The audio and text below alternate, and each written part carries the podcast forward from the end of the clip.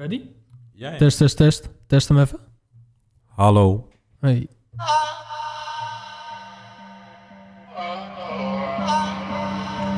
Je luistert naar de wereld van morgen. De podcast over verandering en haar impact op de maatschappij. Hier zijn uw hosts, Lorenzo van Galen en Nick Kieran. Hey Nick. Hey Lorenzo. Jeetje man. Lang geleden. Zo, echt hè? Hey, je hebt ineens lang haar. Goeie. Ineens ja. En ik kort haar. Ja, jij bent naar de kapper geweest inderdaad. Volgens Jij mij. niet. Of het zelf gedaan. Eh, oh, jij niet, denk ik. Nee, ik niet. Ik, eh, zeker voor het onzekere, Nick. Nee, eh, goed om jouw stem weer eens even te horen. Want eh, dat is lang geleden hè? Dat wij wat hebben gedaan. Ja, volgens mij eind april hadden we het net over. Ja, ik Dus had het net opgezocht eh, inderdaad. 22 april. Nou, het is vandaag 23 juli als we dit opnemen. Het is gewoon alweer drie maanden geleden dat wij iets hebben gedaan. Waarom heeft het zo lang moeten duren? Ehm, nou ja, ik denk dat op een gegeven moment... Wij, wij deden onze podcast heel erg over corona. En over de app die rond corona is. Die trouwens nu pas begint... eh, eh, over drie maanden, om even een perceptie te geven aan het... eh, Ja, Hugo die, die heeft eh, zijn plannen doorgezet. hè? En er is nog meer gebeurd met Hugo op politiek gebied ja, natuurlijk. hij is nu lijsttrekker van het... Dat dan weer wel. Dus, het Christelijk Democratisch Appel. zeker. Zeker. maar- Rotterdammer ook, Rotterdammer. Katendrechter. Maar eh, ja, inderdaad. Dus eh, wij, wij hadden heel veel over, over corona. En ik weet nog wel dat ik uit mijn netwerk best wel veel reacties kreeg van jullie zijn wel heel kort door de bocht. Of, Is dat zo? Ja, dat, die reacties heb ik wel gehad. En toen zei ik, nou, dat is niet helemaal waar. Want ik merkte dat er een stigma zat op die discussie. Dat mensen zeiden, ja, waarom hebben jullie het over privacy in deze tijden? En dat Mm. soort zaken. Ja. Dat betekent niet dat... Ik, ik zeg niet dat die mensen ongelijk hadden met hun opmerking. Maar ik zeg wel dat ik het een goede discussie vond op dat moment om te voeren. Hmm. Die zou ik nog steeds een goede... Ja, we waren er redelijk vurig over. Hè? Niet, eh, wij niet alleen, maar met Bob erbij natuurlijk. ja, ja, Bob is... eh, nou ja, Ja, Bob is doorgegaan. Bob is doorgegaan. Die heeft, het, die heeft het niet laten zitten bij die eh, drie podcasts. Nee, ik heb hem bij andere interviews ge- gezien of gehoord, eh, beter gezegd. Ik heb hem met, met, de, met Maurice de Hond. Heb jij hem gezien, zei je? ja, ja, hij zat in een... maar dat is alweer een tijdje geleden. Want Hij heeft zijn eigen alternatieve taskforce opgericht, samen met Jan Rotmans, zag ik. Ja. Ja, hij is er eh, wel vrij, eh, vrij actief eh, mee. En ik zie ook echt heel veel langskomen op eh, LinkedIn. Bijna dagelijks een, een artikel. Die overigens wel veel, veel bekeken wordt. Dus mocht je dat interessant vinden, zoek zijn LinkedIn op. Maar hij is inderdaad... hij, heeft, hij heeft wat gedaan met Maurice de Hond. Maurice de Hond die gaf natuurlijk ook een beetje een nieuw, ja, nieuw geluid aan de hele discussie. Ehm, maar eh, hij is ook zijn eigen taskforce begonnen inderdaad. Dus eh, ja, hij, hij is, hij, is, hij is verder gegaan eh, waar wij zijn geëindigd. En dat vind ik niet zo erg, want ik ben wel een beetje klaar met, met corona en al het nieuws. En ik denk Ik, als hoor, je ik zit- hoorde de tram voorbij komen, dat klopt hier. Ja, we zitten op een andere plaats op te nemen bij de Student Hotel in Rotterdam. Omdat we hiervoor al een andere opname hadden. Dus ja, mag, mocht de akoestiek iets anders zijn dan je gewend bent, dan weet je waarom. Maar ik denk als jij nu zit te luisteren, dat je ook zoiets hebt van... nou jongens, ga alsjeblieft niet eh, weer over, eh, over corona. Nou, dat is het een beetje. Maar ik, eh, ik vind het wel een interessante tijd geweest. Ik denk dat het even goed is om up-to-date hoe het met ons gaat. Ja, ik Ja, zou heel, ik zou heel, gaat het so- met jou? ik zou heel sociaal met mezelf beginnen, wou ik zeggen. Maar ik ben in de coronatijd, heb ik mijn contract ingeleverd bij mijn werkgever. Zo. En met de opmerking van, ik ga wat anders doen. Ja. En ik hoor dat veel meer om me heen. Ja? Dat mensen een soort bezinningsmoment hebben tijdens die coronacrisis van, ik moet wat anders. ja? En dit terwijl het eigenlijk helemaal niet zo verstandig is om van baan te verwisselen. Want ja, je levert zekerheid in. Eh, in mijn geval ook. Ik had gewoon een, eh, een, hoe noem je dat, een vaste aanstelling bij mijn vorige werkgever. Ik zat daar ook, ik had het daar hartstikke naar mijn zin hoor. Dat was Mhm. een leuke club. Maar ik had zoiets van, ja, ik wil wat anders gaan doen. Ehm, dat ben ik ook gaan doen. Ik ben nu, eh het is nu eh, 23 juli, ik ben nu zes weken, zeven weken daar actief. Ik heb het ook wel naar mijn zin. Dat, dat, dat zijn ook allemaal leuke dingen. Maar ik merkte aan mezelf dat ik ook heel erg toe was aan iets nieuws. Ik doe ook een MBA naast, me, naast mijn werk op dit moment. En daar heb ik het ook heel druk mee. Maar Mhm. dat viel ineens helemaal weg. Ik had ineens weer een leven. Want Ja. dat ging via Zoom. En sommige lessen werden uitgesteld of uitge die vielen uit. Dus daar was dat, wat meer eh, ruimte voor jou. Ja, ik had ineens een soort... En, en je kon ook niks gaan doen, hè. Dus ik was ineens de millennial met de drukke agenda... die eh, cold turkey ineens werd ontnuchterd door de realiteit. En dat hoor je dan op in de media en dergelijke. Maar dat is... Ik wil niet zeggen dat dat komt omdat ik millennial ben. Ik wil, dat, daar wil ik hem niet op doen. Maar ik ben, niet, ik ben wel benieuwd hoe jij dat ervaren hebt. Ik had ineens een moment dat ik echt een... Ik had echt een moment van bezinning... waarna ik ook echt daadwerkelijk levensingrijpende beslissingen... voor mezelf in ieder geval heb genomen. Zo. Nou ja, in de Nou, dat is een nieuwe, werkgever... eh, nou, ik, ik heroverwegen. Ik heb mijn vriendin gedumpt. Nee, dat is niet waar. kind en eh, een hond genomen, een kat en eh, noem maar op. nee, nou, dat valt wel mee. Ik- maar ik- het is wel, ik ben wel anders naar dingen gaan kijken, merk ik aan mezelf. Nou, ik merk dat daar dus twee. ik, zal, ik zal daarna vertellen hoe ik daarover denk. Maar ik, ik merk dat daar dus twee visies op zijn voor mensen, inderdaad, vrienden van mij, eh, collega's om mij heen. Jij zit dan heel erg aan de kant van, nou, ik ben, ik heb, ik ben, ik ben eigenlijk mijn leven even, even gaan bekijken. Wat kan ik anders doen? Ik ben daar, ik heb even tijd eh, genomen of even, even, even uitgestapt uit de realiteit, als het ware, om, eh, om mijn leven een beetje onder de loep te Ja, ik nemen. moest een stap terug doen door corona. En door Ja, die stap terug ja, te doen, exact. heb ik weer eh, overzicht gekregen, zou exact. je kunnen zeggen. Ja. Ja, de overview effect. Alleen dan, eh, dan corona-wise. Aan, aan de ene kant heb je dat, maar aan de andere kant hoor ik mensen van... nou, die zijn gewoon meer gaan vreten, zuipen... hebben veel op de bank gezeten, aangekomen, noem maar op. Ik zit daar een beetje tussenin, denk ik. ik ben wel wat aangekomen, ik ben wel meer gaan eten. Ehm, ik merkte op een gegeven moment dat ik gewoon echt behoefte had aan, aan sporten, bewegen... en wat ik ook weer wat meer aan het doen ben. Ehm, maar dat kwam ook gewoon vooral omdat het een stuk rustiger was. Ik heb natuurlijk een videoproductiebedrijf met veel marketing, communicatie eh, voor allerlei bedrijven. Ehm, en je merkt dat bij de commerciële bedrijven de marketingkraan als eerst dicht gaat. Ja, Ehm, nou ja, op zich onzekere tijden. Wat doe je dan? Je limiteert je spend. Exact, maar gaat ook Eh. weer als eerste open. Dus ik merk nu gelukkig wel Ja. weer, want je wil wel weer gaan communiceren. Onzekerheid valt weg. Eerste wat je doet is een competitief voordeel halen ten opzichte van je concurrent, laat ik maar zeggen. We zijn zo grillig als de markt, Ja. eh, wat dat betreft. Dus ja. eh, het wordt wel weer wat drukker, maar ik merk wel aan mezelf dat, ehm, dat ik, ehm, ja, dat ik, dat, ik weet niet, het, het, het, het heeft me een beetje, het heeft me niet heel veel goeds gedaan. En ik, eh, ik denk dat de gevolgen van de lockdown groter zijn dan de gevolgen van corona. Maar ik denk dat dat de komende maanden wel duidelijk zal Bedoel worden. je daarmee de economische gevolgen? Ook sociale gevolgen, eh, spirituele gevolgen. nee, nou, ik- alle, ik, weet allerlei niet of we daarop allemaal moeten ingaan, maar ik, ik ben ook anders gaan nadenken over deze podcast. Ja? En ik denk dat wij, dat wij eh, volgens mij hebben we dit wel eens eerder gezegd, dat we zeiden we gaan weer terug naar hoe we zijn begonnen. Dus gewoon wij twee een Ja. gesprek over een onderwerp dat wij interessant Ja. vinden. En ik denk dat dat ook wel weer een goede, ook wel weer een goed momentje van bezinning is. We hebben Ja. natuurlijk heel veel gedaan met gasten. Ja, klopt. Ehm, wat, wat je dan merkt is dat je productiewaarde ligt hoger, eh, je moet meer voorbereiden. Ja, meer voorbereiding inderdaad. Ik heb nu inlezen. gewoon eerlijk gezegd, ja, bij, nou ja, wat je ook kan voorstellen. Ah, weinig. Gewoon niet. We zijn hier gewoon lekker gaan zitten en eh, inderdaad eh, gewoon even, even gezegd van nou, we gaan een update Ja. geven en hoe is het met ons? Heeft ook te maken met tijd natuurlijk. En ik denk Ja. dat, dat het ook wel weer leuk is dat we dit op deze manier gaan doen. Dat zie ik jou ook weer een keer. Ja. Nou, laten we dan Eh. ook bij deze afspreken dat we hem, eh, dat we hem weer eh, twee wekelijks gaan Ja, doen. ja, precies. Dit, dit, dit zeggen we vaker in onze podcast. Dus, eh, dus eh, neem het met een korrel zout, luisteraar. Maar, eh, ja, maar ik, denk dat, ik denk dat het wel heel goed is dat wij, eh, eh, dat wij dit soort gesprekken blijven voeren. In de vorm Ja. van dat we ook elkaar zien. Ja, zeker. Eh, dus misschien niet voor de luisteraar. dat, maar dat, dat, dat is, klinkt heel eh dat is heel democratisch. Dat is dit- Nee, maar ik bedoel voor de luisteraars heel democratisch. Ja. Als je dat niet vindt, luister je niet, eh, Nee. zou ik zeggen. Maar eh, ik wil het met jou eigenlijk vandaag ook gaan hebben over de... eh, over, kijk, onze podcast heet natuurlijk de wereld van morgen. En Mm. die, die naam is nooit zo relevant geweest. Dus ik wil het niet per se over Nee, corona hebben, maar wel over de veranderingen die zijn versneld. Kijk, Bob zei heel duidelijk, een crisis is een versneller voor, Ja. eh, voor de fout in het systeem. Die legt de systeemfouten bloot en is een versneller van verandering. Absoluut. Ehm, en ik wil, eigenlijk, ik wil eigenlijk beginnen met je te hebben over eh, mobiliteit.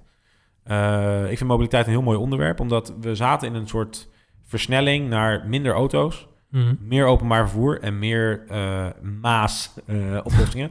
Voor degene die de acroniem eh, hadden gemist. Deel, eh, deel service. eh, Mobility as a Service. Yes. Eh, hebben het over de Felix-scooters, de OV-fiets, Ja. de, de Donkey-bikes, de eh Ja, Bitcar, eh nou, Checks, noem maar op. Eh, eh, ja. Uber-fiets, eh nee, et cetera, et cetera. En ik ben bang dat de coronacrisis die transitie waar we in zaten aan het vertragen is. Ja? Oh, dat, ik dacht dat je ging, dat je ging zeggen dat die, eh, dat die transitie ver- versneld eh, gaat raken. Maar ik snap hem wel. Want ehm, kijk, de- door wat er is gebeurd... zijn heel veel mensen die bijvoorbeeld een meeting hadden in Amsterdam...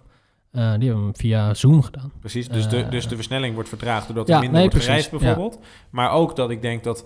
Kijk, die, die, die, die Maas-oplossingen zijn vooral... eh, eh, eh, ik wil niet Engels woorden gebruiken. Inner-city-oplossingen. Binnen de stad-oplossingen. Mm. Eh, je gaat niet met een Felix-scooter van Rotterdam naar Amsterdam. Dat, nee, nee, zeker niet. Dat doe je niet. Dat doe je met de trein. ja, En de trein, zeg maar de massa-Maas-oplossing, om het zo maar te zeggen. Maas, massa.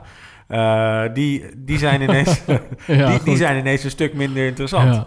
ja, nee, dat klopt. Want je moet een mondkapje op, je zit dicht op elkaar te spannen, gevaarlijk, nou, noem het allemaal op. Ja. Eh, en we zijn ook steeds minder, eh, minder geneigd om naar een andere plek te gaan, omdat je denkt, ja, Ah, sterker nog, niet. veel grote bedrijven die, eh, die hebben ook gewoon gezegd tegen hun werkgevers... jullie blijven gewoon minimaal tot september, misschien zelfs tot eind dit jaar thuiswerken. En hier heb je een setup voor thuis en ga maar thuis werken. Kijk, ik, ik, ben, ik ben van mening dat een, als jij een meeting hebt in Singapore, dat je daar niet op, dat je daar misschien niet per se heen hoeft te vliegen. Maar ja, wat ga je doen als je daar een eh, contract moet tekenen voor een paar miljoen? Dan wil je toch iemand in de ogen kijken. Nou ja, die- Lijkt mij. Kijk, weet je, het is, je kan zeggen dat al die meetings... Nu wordt er ineens hoor. zogenaamd opportunistisch gedaan... dat al die meetings waren voor niks. En dat, dat, soort, dat soort opmerkingen hoor je dan. Ja, Nou ja, ik, met mijn vorige werkgever waar ik het net over had... eh, zaten we in de olie- en gasindustrie. Nou, daar deed je gewoon echt een meeting hoor. Als je een goede deal wilde beklonken... ja tuurlijk. Het is natuurlijk heel anders om iemand eh, in het echt te zien. En ook veel fijner. Je kan iemand wat meer aanvoelen dan eh, via, een, Precies. via een Zoom. Dus ik denk dat dat heus wel weer terugkomt. Maar ik denk dat de kleinere meetings... dus de, de even naar Amsterdam rijden om iets te bespreken... Nou dat ja. zal misschien wat minder Ja. worden. En ik denk dat het op zich ook positief is. Want dat is ook een oplossing voor het mobiliteitsprobleem. Want uiteindelijk een van de grootste problemen van mobiliteit... was denk ik capaciteit. Ja. Er kunnen maar zo weinig mensen in de trein. Als jij van Rotterdam naar Amsterdam moet gaan... even in ons geval eh, in de zin van vanuit als, ons als Rotterdammer... Ja. dat zijn treinen, daar kan je niet zitten. Daar sta je gewoon... Als je er al in past, dan sta je gewoon heel de route naar Amsterdam... eh, Ja. op, je, op je voeten. Dan sta je. En dan kan je moeilijk zeggen dat dat een mooie propositie is. Aan de andere kant, als je in de auto stapt, zit je een, eh, een anderhalf uur in de file. Ja. Ehm, nu heb ik laatst weer in de file gestaan, moet ik zeggen. Dus dat is weer dat ook in de post-corona. Ik ook. Ik vond dat wel positief. Ik vond het wel fijn. Voor het eerst. Ik vond het voor het eerst positief dat ik in een file stond. Ehm, nee, zonder gekkigheid. Dat, eh, dat, eh, dat is zo. Eh, maar wat jij zegt, kijk, ik, vind die, ik, vind ik, ik ben niet helemaal eens dat die Maas-oplossingen, maar de, de scootertjes en de checks Nee, ik had zo. het nu specifiek over Masa. Hè? Dat, ja, eh, precies. Ja, ja. Nou, ik, ik zie ze meer gebruikt worden dan nooit, heb ik het idee. Nou Eh, ja, de het is, eh, het is natuurlijk ook eh, door die corona-maatregelen natuurlijk... was de horeca dicht, eh, ga je niet meer naar de bioscoop en zo. Nou, nu komt het allemaal natuurlijk weer op gang. Ja. Maar ik bedoel, het is minder aantrekkelijk ook nog steeds nu... ondanks, heel veel mensen doen wel de, de horeca is open, maar het loopt niet storm. Nee. Er zijn natuurlijk nog steeds mensen die denken van... nou, het is ongezellig of ik vind Ja, het nog steeds eng of weet ik het wat. Eh, Horeca Nederland, de, de, de, eh, ehm, dat? De groep Horeca Nederland, die wil natuurlijk de, de overheid voor de rechter eh, eh, slepen. Eh, wat, wat overigens niet goedgekeurd is. Maar die gaan nu om de tafel met de overheid. Omdat ze het niet eens zijn met de maatregelen. Want die maatregelen, maatregelen zijn natuurlijk heel scheef. Want je gaat met een groepje van negen in een, zel- in, in, een busje. Maar je moet wel met z'n tweeën uit elkaar anderhalve meter aan de tafel zitten, weet je wel. Als, je, Ja. als je daar aangekomen bent. En ehm, dat, dat is wel heel scheef natuurlijk. Nou ja, kijk, de, ik, ik, ik heb even het artikel erbij gepakt. Ehm, maar ja, eh, ik geloof dat het heel lastig is hè, in die wereld. Ik bedoel, Ja. horecaondernemers zullen het echt niet makkelijk hebben. Maar laten we wel wezen. Kijk, en dat vind ik ook wel een beetje... Waar denk ik in onze vorige podcast eh, mensen die negatief reageerden naar mij toe dan, in ieder geval persoonlijk, eh, denk ik een verkeerde impressie kregen. Kijk, wij gaven heel erg ook waar in, op dat moment was het stigma in Nederland, of eigenlijk de, de, het gewenste gedrag, is dat je meeleefde en dat je ging klappen voor de zorg en dat soort zaken. Waar wij al heel erg zaten op de verandering in de maatschappij, eh, economische gevolgen, et cetera, wat ook het onderwerp van deze podcast is. En niet gezegd hebben dat we tegen de maatregelen van de, van de overheid zijn. Ik bedoel, dat is heel het punt niet.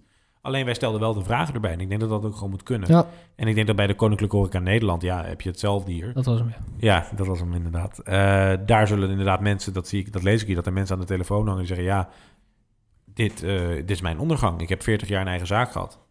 Ja. En, en ik ben nu gewoon klaar. Of ik, of, ik, Ja. of, of ik maak er zelfs een eind aan aan mijn leven, staat hier zeg maar als voorbeeld. Ja. Ja, dat vind ik een beetje verkeerd bespelen van de media, verkeerd bespelen van het moment. Ehm, zonder dat ik de volledige kennis heb. Maar dan denk ik van ja, aan de andere kant kun je ook stellen, eh, het is een moeilijke periode. Er zijn heel veel overheidsmaatregelen zijn er geweest. Ehm, als je het dan alsnog niet redt, zijn er ook nog maatregelen voor jou als ondernemer in de vorm van. eh, Tozo's en eh, andere. ja, precies. andere Maar ook gewoon in de vorm van de bijstand en een sociaal vangnet. En het feit dat je ziek wordt, dat je dan ook nog steeds wordt geholpen en zo. Dus ik bedoel, het, het is niet mijn punt om te zeggen dat iemand aan het goede of het juiste, eh, of het juiste of het verkeerde eind heeft. Maar meer dat ik denk van ja, we, we moeten nou ook niet zeggen dat de mensen moedwillig de horeca aan het kapot maken zijn. Dat gaat me ook een Nee. beetje ver. Maar goed, ik ben wel benieuwd hoe die, hoe die nieuwe maatschappij of het nieuwe normaal dan vorm gaat krijgen. Want, Geloof jij zien- nog in een bioscoop? Als, eh als er maar even, een, of een theater? Nou ja, ik, ik ben zelf niet zo heel erg bang voor het virus. Al, al zijn de verhalen nu natuurlijk wel dat als je het echt hebt, eh, dat, dat de, de, de gevolgen ervan wel zes tot negen maanden eh, merkbaar zijn. Maar goed, ik ben er zelf niet zo heel erg bang voor. Maar een bioscoop, wat jij zegt, dan zit je natuurlijk in een afgesloten zaal. Dat businessmodel zou bijna niet meer kunnen, zou Nee. je denken. Als we even rekening Ja, met de anderhalve meter. Ja, maar ook festivals, dat je heel dat Ja. landschap is Nou veranderd. ja, wij, wij hadden voor mijn... eh, ik, ik, zit ook in de, ik zit in de marketing en wij moesten beslissen over of we wel of niet doorgingen met een conferentie, met een beursstand. Mhm. Ja, dan heb je 4 bij 6 is een gemiddelde beurs. Precies hetzelfde. 24 vierkante meter. Ja. Nou, trek daar je personeel vanaf, dan kun je twee of drie mensen op je stand hebben. Ja, Ja. Dat, dat is, dat is de investering gewoon niet Nou, zelfs eh, bijvoorbeeld de E3, hè, de, de Electronic eh, eh, eh, eh, beurs in, de beurs in LA, de de- de- met alle gaming eh, aankondigingen. Nou was dat al een beetje, een beetje af, aflopende zaak. Maar je ziet dit jaar natuurlijk dat die afgelast is. En dat al die merken gewoon prima een livestream kunnen doen. Op hun eigen Nou ja, manier. Dat vind ik dus, wel, veel dat vind ik dus wel interessant. Kijk, wat een E3 doet... Van, ik denk als marketeer denk dat wat een E3 doet als waarde voor jouw merk... is dat er een clustering is van heel veel gaming nieuws... Waar, waarna dus de hele wereld naar je kijkt. Ja, maar Dus ook een ook- behoorlijke verzadiging. Maar ook een behoorlijke verzadiging. Dus het is een voor- en een nadeel inderdaad. Je doet het niet voor het, voor het publiek dat op de beurs komt. Want in verhouding op een mondiale markt is dat natuurlijk peanuts vergeleken bij Ja. de markt. Dus als jij de nieuwe FIFA gaat aankondigen, doe je dat op E3 uit meer uit, uit ervaring of uit, of uit, eh of ja, dat hebben we Nou, verwachting. altijd al zo gedaan, of de verwachting, verwachting is, inderdaad. Maar eigenlijk is dat niet echt nodig. Hetzelfde geldt voor die eh, horlogebeurs hè, in eh, Genève. Ja, bijvoorbeeld. Ehm, eh, moet je me even helpen hoe die, eh, hoe die ook weer heet? Baselworld. Baselworld, inderdaad. Eh, die was natuurlijk in begin dit... Genève trouwens. Eh, ja, nee, waar? Waar is die dan? Waar denk je dat Basel World is? Oh, Basel, ja. Ja, oké, ja, heel goed, heel scherp.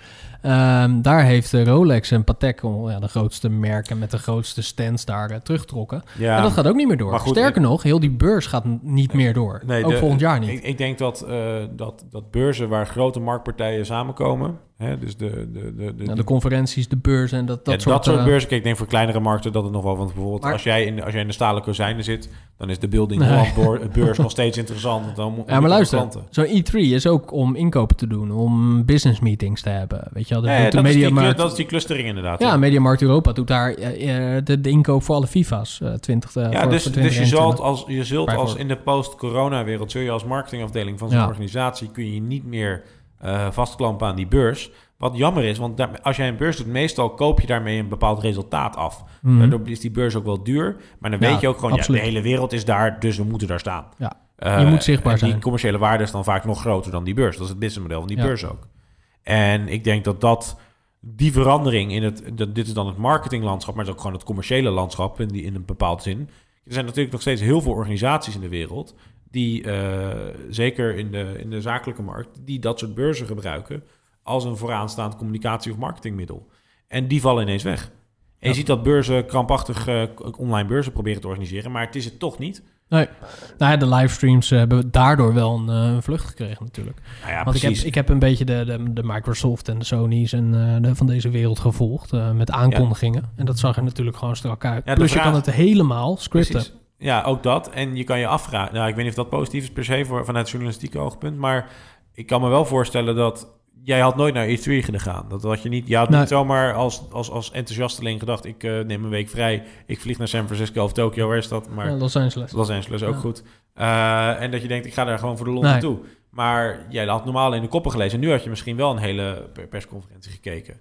Ja. Ik weet, misschien, eh, dus het biedt ook wel weer kansen. Dat is eigenlijk Absoluut. wat ik probeer te zeggen. Nou ja, in het verlengde daarvan is de webinar...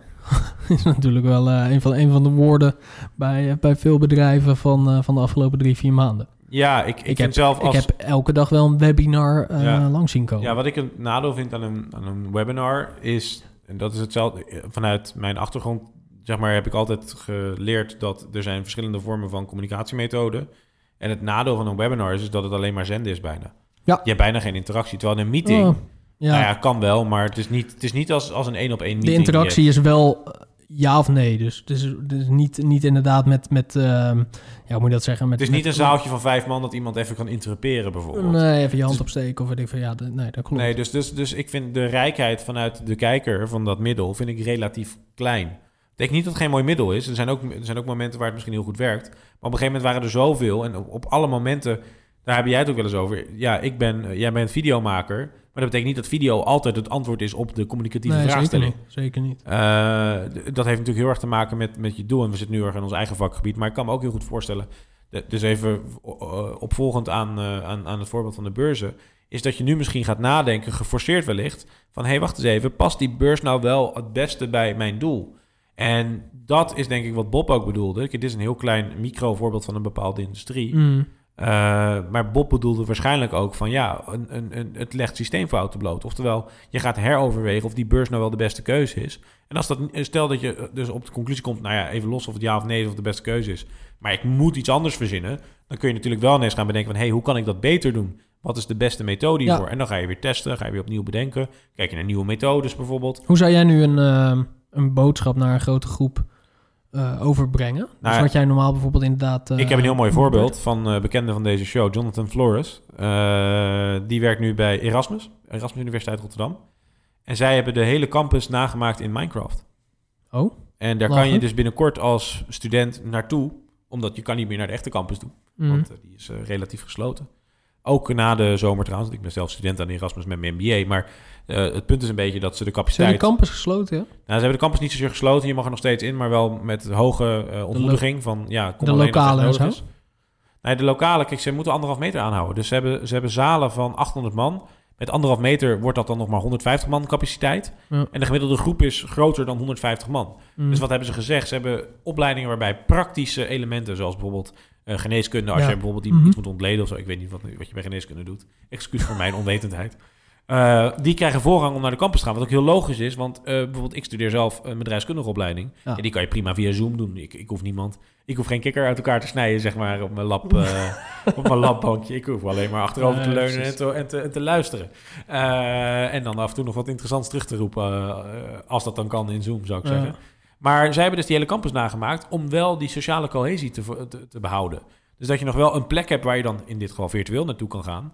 Ik weet Ja. niet of Minecraft het beste middel Ja, want is, ik maar ik vind het wel een heel leuk middel. Dat is niet antwoord op je vraag trouwens. Nee, maar een campus is natuurlijk ook een heel belangrijk onderdeel bij een universiteit. Inderdaad, dat jij zegt eh, een ontmoetingsplek en eh, een plek Ik, waar ik, je ik kan moet leren. eerlijk zeggen, En, dit, eh, is, dit is eh, een MBA, eh, een Master of Business Business Administration, voor, want ik heb nu al drie keer genoemd, maar niet gezegd wat het is. mm, Het is eigenlijk gewoon de Amerikaanse term voor een bedrijfskundige, op, voor een bedrijfskundige opleiding.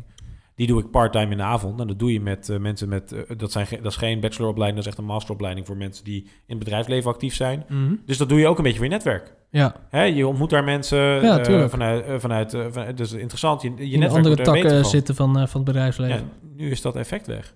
Ja. Ik heb, toevallig krijg ik vandaag mijn laatste beoordeling terug van dit semester. En ik heb het semester afgesloten met een, met een mooi cijfer. Maar ik heb niet de kans om te zeggen, jongens, biertje erbij. En Nee. eh, we vieren het even. Wat ook de momenten maken die zo'n MBA dan nog draaglijk maken... buiten al de uren die iedereen moet stoppen... Ja, en van je sociale leven af moet halen, zeg Ja. maar. Dus dat, is wel, dat zijn wel hele andere, andere zaken, ja. Hoe kijken die andere, die andere ja, studenten daarnaar dan bij jou? Nou, ik, dat, is wel leuk. En ik, misschien als je als luisteraar denkt van ja, waar hebben we het over? Maar ik vind het wel een interessante anekdote. Is dat er eigenlijk een tweedeling in de groep ontstond. Ja. Dus een aantal mensen die zeiden, het is wel lekker. Ik, eh, ik hoef niet meer er naartoe. Ik, dat scheelt mijn reistijd. Ik woon in Doetinchem. Want er komen mensen van nou, horen en verre naar de, naar de Erasmus Universiteit. Mhm.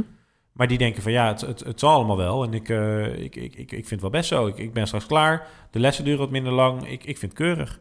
En een andere groep, waar ik dus onderdeel van was, was zij, nou luister, wij hebben ons ingeschreven voor een fysiek aanwezige opleiding.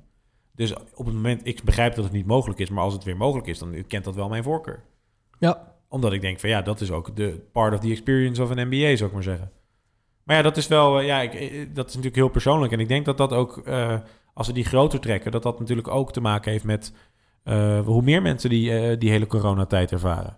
Dus de een zal het heel erg fijn vinden. Ik kan, ik kan me voorstellen, als jij een wat intrinsieker persoon bent, dat je dit een fijne periode vindt.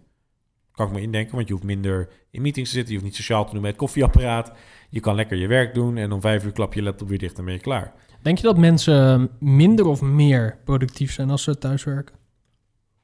Nou, daar, daar zat ik dus laatst over na te denken van, er werken natuurlijk heel veel mensen thuis, maar zijn mensen nou daadwerkelijk net zo productief als dat ze op kantoor zouden zitten? Of is dit inderdaad ook gewoon een totaal, ehm, ja, een totale verandering in het bewustzijn van bijvoorbeeld een werkgever, dat we misschien geen 40 uur werkweek nodig hebben, maar dat ook gewoon 30 uur kan? Of misschien nog gewoon een dag minder gaan werken en dan gewoon thuis.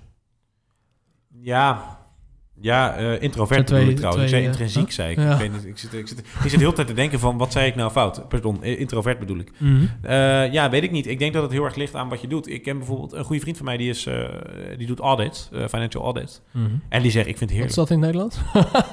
financiële verslaglegging controleren, denk ik. Oh, Ja, dit is wel redelijk ingeburgerde term, toch? Ja. Maar die zegt, ik, ik ben heel erg tevreden over hoe mijn werk nu gaat. Omdat Ja. ik kan nu gewoon eh, eigenlijk wat makkelijker eh, mijn werk doen. Omdat ik, eh, omdat ik niet word afgeleid op kantoor. Jij wordt ook even afgeleid nu. Nou, ik zat een beetje op te zoeken. Ik had een boek gelezen, dat heet... Ja. de Nederlandse vertaling heet Stil, Mhm. van Susan Kane. Ja. En de ondertitel is De kracht van introvert zijn in een wereld die niet ophoudt met kletsen. Hm. En het boek heeft als strekking dat we in de jaren 80, vooral in de Verenigde Staten, aan extraverte mensen een toekenning hebben gegeven dat zij, dat zij veel meer waardevol zijn voor de samenleving. Dat het is goed om extravert te zijn, het is slecht om introvert te zijn. Mhm. Eh, maar dat, dus heel veel mensen zijn Maar dat heeft geforceerd wel, extravert. dat heeft misschien ook wel te maken met, eh, met de Cultuur. cultuur en inderdaad. Zeker, Kijk, ik denk zeker. dat dat in Amerika anders is dan in Nederland bijvoorbeeld. Ja, alleen zij heeft onderzoek gedaan. Ja. Ondanks dat in Amerika bijvoorbeeld, volgens mij was die zo'n 80% van de mensen identificeerden zichzelf Ja. met introvert zijn. Of extravert zijn. Ja, ja, dat lijkt me ook, ja. ja excuus. Eh, maar zij zegt dat minimaal een derde van de mensen, en waarschijnlijk de helft, is introvert. Oké. En, zij, en dat boek gaat erover dat eigenlijk ben jij zelf ook introvert. Of, Dan ben je eigenlijk gewoon een acteur. eh, of je hebt gewoon heel veel eh, ik, gedragselementen van jou zijn introvert. Ik Ja. denk dat jij trouwens ook eh, als persoon introverte kenmerken in jezelf hebt. Ja. Jij vindt het volgens mij ook soms wel even prima om even je mond te houden en gewoon even terug te trekken en je werk te doen. Ja, Je hoeft niet altijd... eh, nee, daar herken ik me niet in. nou, ik, ik, ik denk, ik, nou, ik, Nee, ik nee. denk dat jij wel elementen in je Ja, gedrag... dat betekent niet dat je volledig... Kijk, het- het, is ook een misvatting dat iedereen volledig extravert is of volledig introvert. Je hebt Mhm. altijd een... Het is, een, het is meer een schaal dan dat het een, eh, dan dat het een, een binaire keuze is. En nou ja, dat soort boeken vind ik dan wel nu extra interessant. Is dat we onze introverte ik eh, toch wel weer meer gaan vinden hier. Of juist het, het, het- mensen die zeggen: Ik vind het zo ongezellig, ik wil weer knuffelen. et cetera. De extraverte ik Ja, weer precies. meer gaan missen. Dat is Ja. natuurlijk ook zo. En als ik kijk naar mezelf, denk ik dat ik... Ik zou mezelf ook heel erg... nou, Als ik dit boek, voordat ik dit boek las, zou ik zeggen... Ja, ik ben heel erg extravert. Maar ik moet nu wel weer daar meer terugkomen. Ik denk dat ik introverter ben dan dat ik dacht. En dat, dat is niet in hoe je bent. Of wat ik bedoel, ik lul nu ook eh, al eh, 26 minuten vol in deze podcast. Maar het is denk ik een hele interessante gedachte... om, eh, om introversie eigenlijk eh, te omarmen... in plaats van het weg te duwen als zijnde dat het de verkeerde gedragseigenschap is. Je hoeft niet altijd te schreeuwen aan de voorkant. En je kan ook gewoon een stille kracht zijn. Hoe kwamen we hierop dan precies? Want ik ben even, jou, eh, even jouw punt kwijt. Nou, jij zei, werken mensen Ah, nu productief Ja, of precies. niet? Ja. En ik denk dat sommige Hm. mensen misschien meer zichzelf kunnen zijn dankzij deze crisis. Oh ja, do- de introverte Ja, persoon, precies. dat bedoel ik, sorry. maar denk ja, je ik, dat ga, ze dan... ik ga alle kanten op, Maar maar, we hebben elkaar drie maanden... Nee, dat maakt niet uit. Maar, maar denk je dat, dat, dat, dat je daardoor productiever wordt? Of kan je een lijn trekken dus tussen productiviteit en, en introvert zijn of extrovert? Ik kan me voorstellen dat in bepaalde beroepen... eh, dat Ja. eh, eh, een beperking van de prikkels op de werk, in de werkomgeving... eh, een positieve correlatie heeft met het werknemerscapaciteit en Ja, dat zou kunnen. productiviteit. Ja, ik vraag me Ja. dus heel erg af. Ehm, ik heb nog een dingetje wat me heel erg op is gevallen Mhm. de laatste tijd. Trouwens, een TED-talk ook van Susan Kane. Als je het Stuur boek even, niet, eh, eh, stuur even dat, ja. eh, de link van het boek. Zit er ook even in de snow, eh, show notes. in de snow notes. Ja, precies. dat zeg ik altijd. Ja. Hey, er is me nog iets opgevallen, Nick. En dat is eh, dat iedereen om mij heen is gaan dropshippen. Of ik heb het idee dat iedereen dat dropshipping een ongekende vlucht heeft gemaakt. En Jij hebt Eh, al die je- reclames gezien. eh, nou nee, ja, ik, ik heb heel veel gezien over Van die. Aziatische jongen op YouTube en die Marokkaanse jongen. Oh ja, nee, dat sowieso. Die, die draaien natuurlijk al maanden. Maar en ik die heb het jongen idee... met, eh, die uit Bali zit. Ja, die blonde gast. Nee, maar ik heb het idee, want jij zegt ook van heel veel mensen die zijn dus inderdaad gaan nadenken over hun leven. En eh, een eigen soort van vogelvlucht of even een, een helikopterview hebben van hun leven. is trouwens geen Aziatische jongen, maar hij eh, Nee, heeft een Aziatische uitstraling. Ja. Hij heet G- Jia Ruban. Ja. Nou, er zijn heel veel, heel veel jongens die is, ik klik dropshippen. die video aan op YouTube Ja. en ik krijg een reclame van zijn concurrent. Oh, echt? Ja. Nou, doet de concurrent goed dan. Hey, mijn naam is Chadwan van Team Unstoppable en in deze video... Ja, hey, ja. Nou, niet Team alleen daarvoor. Hem, hem heb ik al, eh, al, al, al, ik al geloof ik een jaar. En een mijn topcomment is, eh, iedereen gooit haat naar deze man, maar besef even hoe knap het is om vloeiend te blijven praten zonder dat je stukjes achter elkaar plakt in een video. Ja, dat is nou, heel- moet je nagaan hoe knap dit is, hè, deze podcast, al 28 minuten. Maar dat idee heb ik echt. Ehm, weet, je, weet je waarom? Ik, heb, ehm, eh, ik denk dat dat ook in het verlengde is van wat jij net zei, dat heel veel mensen over hun leven na zijn gaan denken.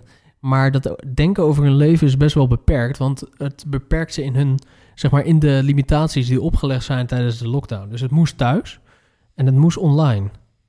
Dus ik denk dat daardoor mensen zoiets hebben van, oh, wat kan ik nou eens gaan doen? Ga ik een bol.com shop en ga ik klamboes uit, uit, eh, uit Ali, van AliExpress kopen en dan eh, kopen. Ik heb, ik, dat heb, idee heb ik echt. Ik denk dat heel veel mensen een online businessje zijn begonnen de, Nou, de dat- afgelopen ik- ik- maanden. dat denk ik ook. Alleen de vraag is natuurlijk met, dat, met, zeg, met dropshipping, voor wie niet, wie niet weet wat het is. Het is eigenlijk dat je eh, producten verkoopt die niet fysiek bij jou in, de, in, het, in, de, in het warenhuis liggen. En Ja. dat je via een externe partner dat laat opsturen naar je klant. Ja. Eh, in combinatie met een AliExpress. ja, niet eh, iets is inderdaad dat, op eh, voorraad. eh voorraad Nee, precies. Dus je draagt niet het risico van de voorraad, maar je draagt wel het, je pakt wel kans op, de, op een eventu- eventuele marge. Ja. Nou, ik vind dat, ik- ik, iedereen ik, om vind dat, ik vind dat een bijzonder model, want we leven in een wereld waarbij we zeggen vandaag besteld, morgen naar huis. Dat is daar dan veelal niet.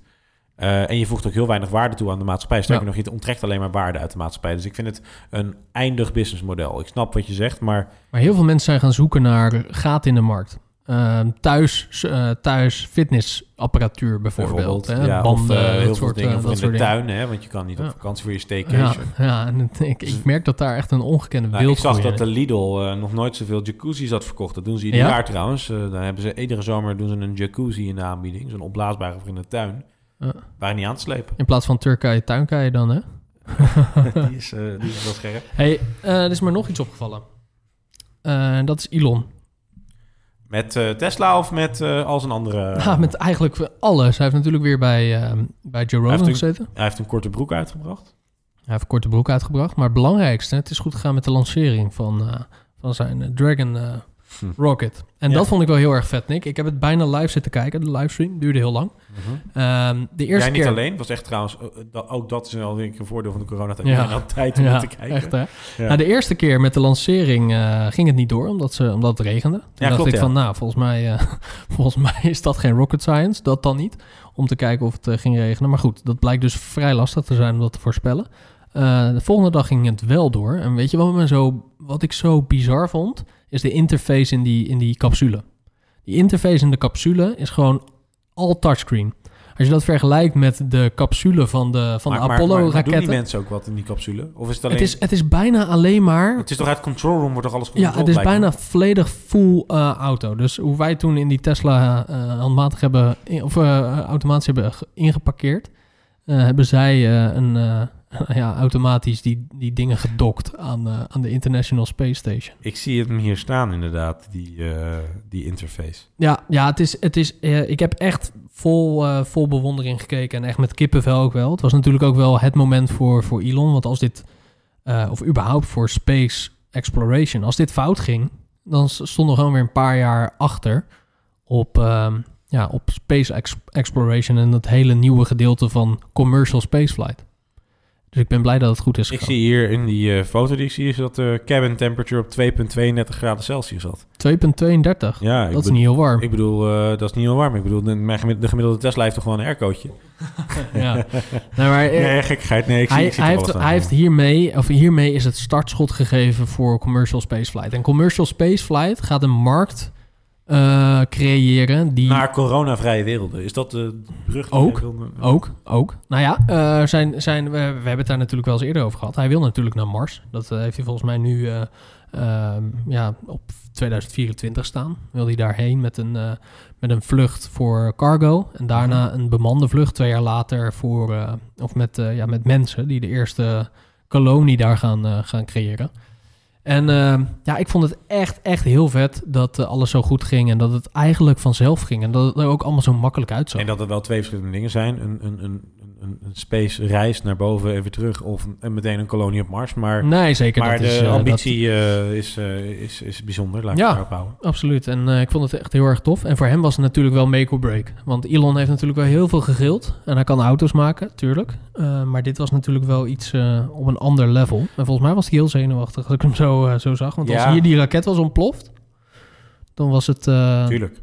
maar ik vroeg me ook af, wa- wat zou dat hebben gedaan voor de Tesla-aandelen bijvoorbeeld? Of voor de ik andere denk dat, eh, ik denk dat ondernemingen die jij had? ik, ik denk inderdaad dat SpaceX vooral marketing tool is voor Tesla. ja. Eh dat Nou, hij wilde ooit- aan hem, zeg maar. Hij wilde met, met die auto's wilde hij natuurlijk de rockets eh, financieren, toch? Dat is uiteindelijk dat is Ik- zijn masterplan ik, ja, geweest. ik, ik heb geen idee of dat echt waar is, maar ik weet wel dat hij een, een auto de, de ruimte in heeft gestuurd. Dat doet hij ook niet voor niets. Nee. Dat is natuurlijk een, een ultieme marketingactie. Ja. Maar goed, die commercial spaceflight gaat natuurlijk een markt creëren die over biljoenen gaat in het Nederlands. Dus duizenden miljarden euro's, eh, wat daar verdiend kan worden. Ehm, ja, nou ja, goed. We hebben het een keer in een podcast gehad over space mining. Dus over het, Ook. over eh, het Ja. binnenhalen van eh, waardevolle Grondstoffen. materialen, grondstoffen uit de ruimte. Ja. Nou ja, goed. Stel, er is olie op Mars. Hè? Ik bedoel, eh, die heb je dan niet nodig voor je Tesla. Maar je, je snapt een beetje mijn punt of een andere waardevolle Ja. dingen. Het is ook interessant. Want bijvoorbeeld heel veel eh, goud is altijd een onderpand geweest van onze economie. Eh, dat is, eh, nou, we weten dat ongeveer er één gemiddeld, een gemiddeld in de hele wereld is ongeveer één zwembad aan inhoud, eh wedstrijdzwembad aan goud eh, te vinden. Schijnt, eh, is, is me ooit een keer Ja, verteld. volgens mij wel meer hoor. Nou ja, goed, dat is mij ooit een keer Ja? verteld, maar laten we even aannemen. Het is, het ik is- weet het van is- wie ook trouwens. Ja, ja, was erbij. Het was een eindig, eh, het is een eindig, eh, het is een eindig materiaal. het is een eindig voorraad, Ja. waardoor het een mooi onderpand is inderdaad. Mhm. Het is minder grillig dan, eh, dan geld bijdrukken, zeg Ja. maar. Maar wat als je op Mars ineens tien keer zoveel goud tegenkomt? Ja, bijvoorbeeld. Of een andere grondstof die Ja. we nodig hebben om bijvoorbeeld verder eh, space in te gaan. Ja, of, eh, of hele nieuwe elementen zouden natuurlijk ook... eh, Ja, zeker.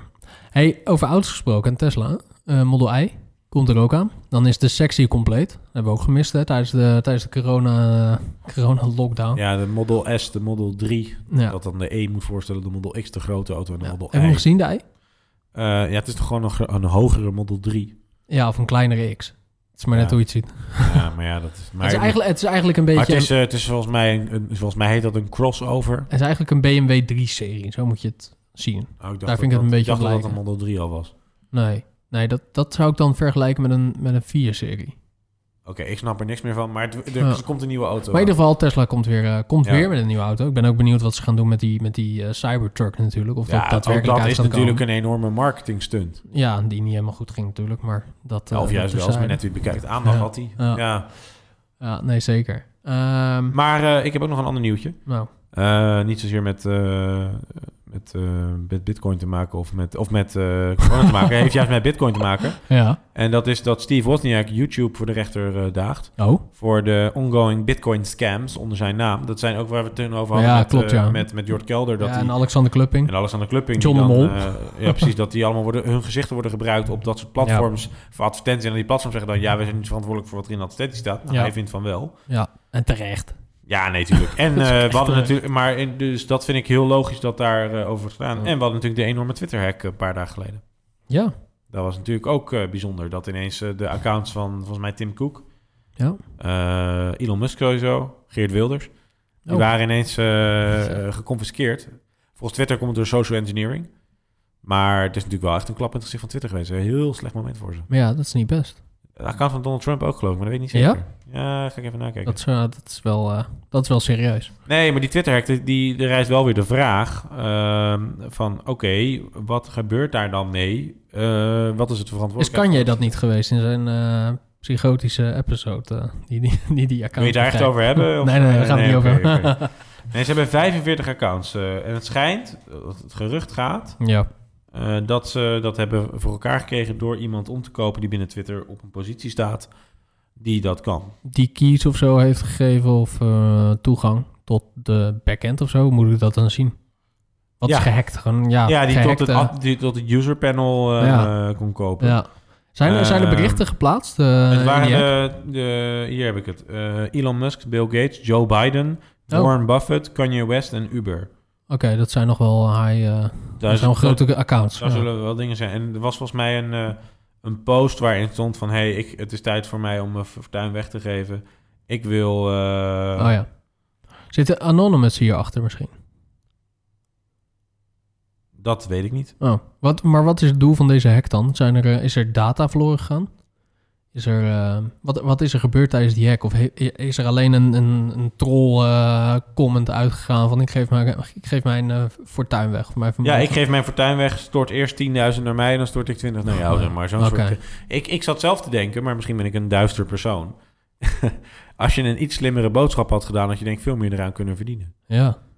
Dus ja, als maar je wat voor boodschap- Ja, bijvoorbeeld, ik ben mijn eigen bitcoin Ja, precies. ding begonnen. Ja. Als je naar mij overmaakt, is, dan, dan ga ik het voor je beleggen, bijvoorbeeld als Warren Buffett. Ik denk dat daar meer mensen in waren getrapt. Ja. Of eh, limited actie, eh koop bij mij bitcoins. Mhm. Weet ik veel, ik zeg maar wat.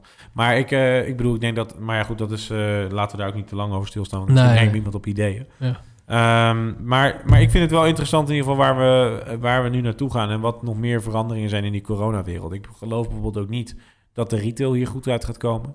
Nee. Eh, ik denk dat de retail steeds meer om een... een Nou, alle er, er is fysieke, een extra reden om niet naar buiten te oh gaan. ja, alle fysieke plekken hebben, Precies. hebben een klap gekregen. Precies, dus je, moet, dus je moet meer argumenten voor de bezoeker Ja. bedenken om naar die winkel te Ja. gaan. En, op, en als je het bekijkt op grotere schaal, dus bijvoorbeeld Europees, eh, heeft er natuurlijk nog mee te maken hoe gaan, hoe gaan de Zuid-Europese landen hier, eh, hier uitkomen. Dat is heel actueel, want eh, er, er is nu wel een akkoord.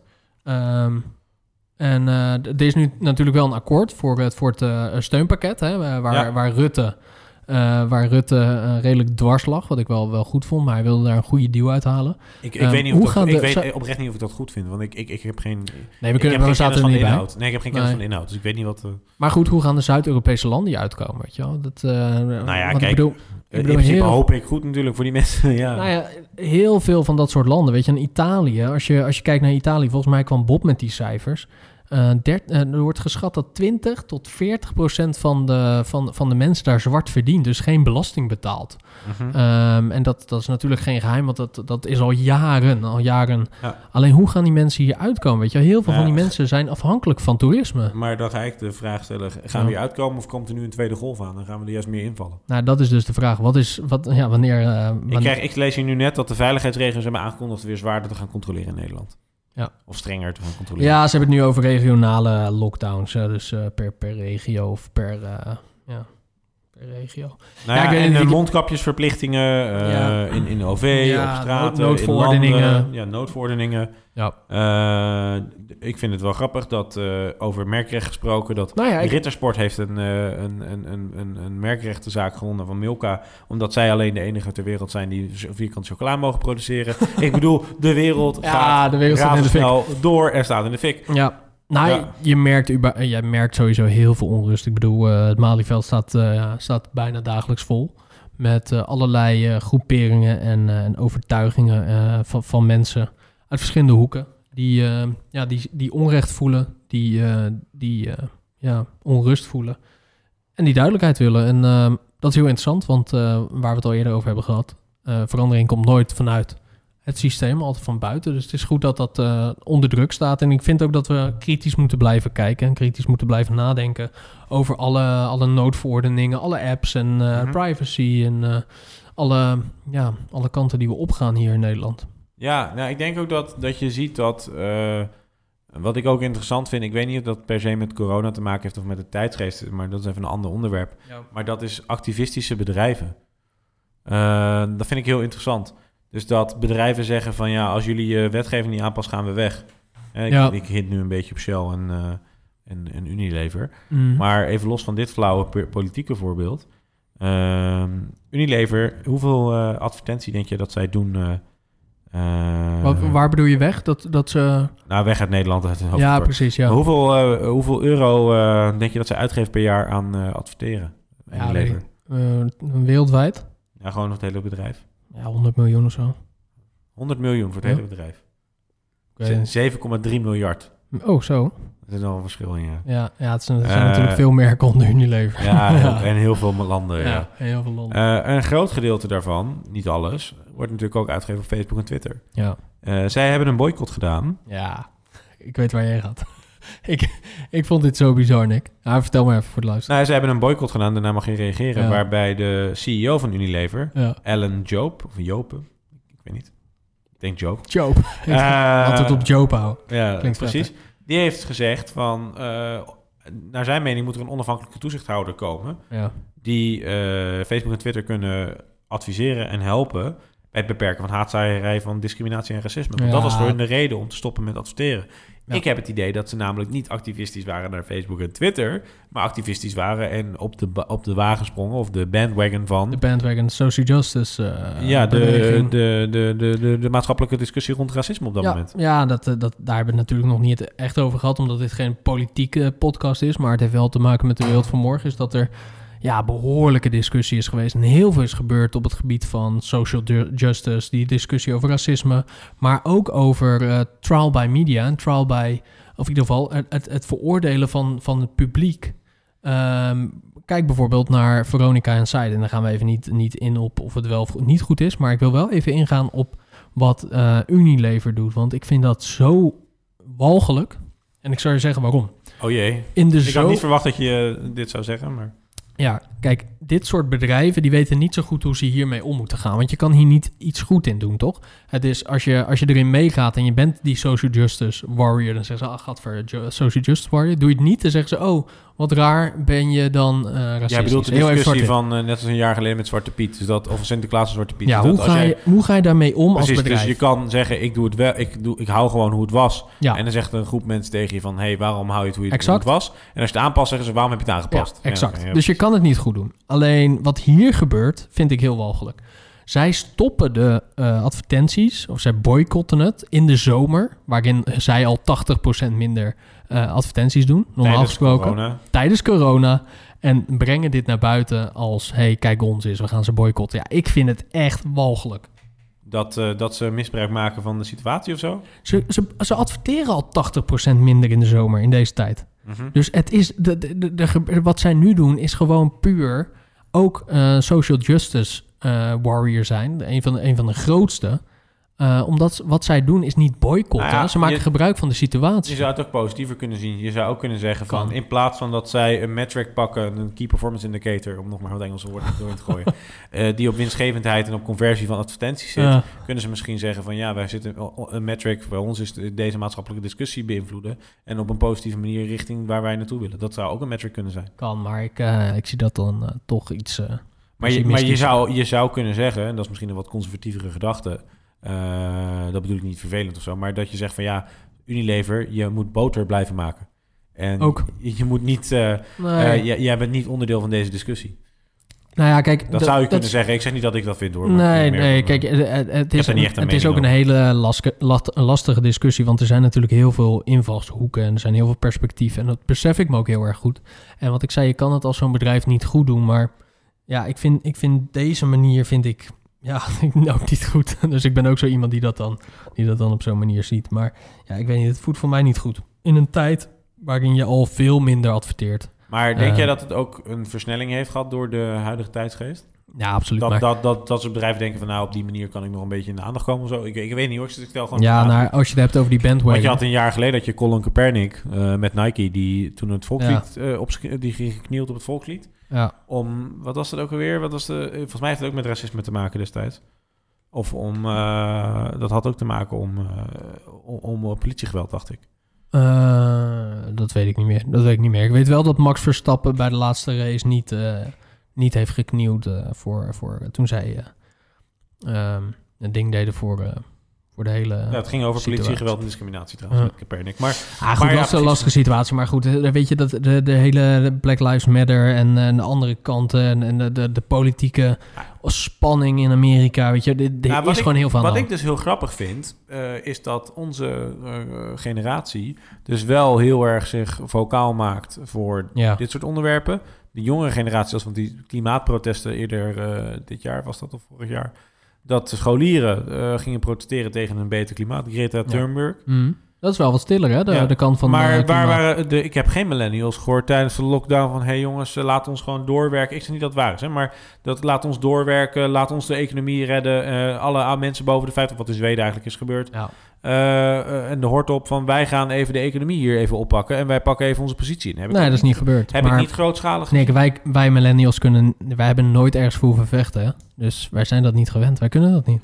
Wat was dat nou? Was een, ik zag zo'n eh, ik zag een internet meme eh, waarin stond van eh, beste papa, wat deed jij in de eh, eh, bosbranden in, in Australië, corona in de wereld, raketten werden gelanceerd voor het eerst, weet je wel, dat soort dingen. allemaal. Wat deed jij in 2020? Ja. Ja, ja Netflix kijken. Ja, ja, ja, die heb ik ook gezien. en aankomen op de bank. ja, precies. De wereld stond in de fik. Ja, ja onze grootouders die vochten, vochten tegen de Duitsers. En wij keken Netflix, binge-watchten en aten pizza's. Ja, dat, dat is de millennial, Nick. Dit was de Bijpraat podcast. Echt hè? Ja, goed om je weer te spreken, Nick. En eh, we, hebben nog, eh, we hebben nog heel veel eh, te bespreken voor de, voor de komende tijd. Want eh, laten we in ieder geval bij deze eh, uitspreken dat we weer meer gaan podcasten. En ook naar de luisteraar natuurlijk. En vond je dit nou leuk? Laat even vijf sterren achter. Vond je het niet leuk? Ook goed.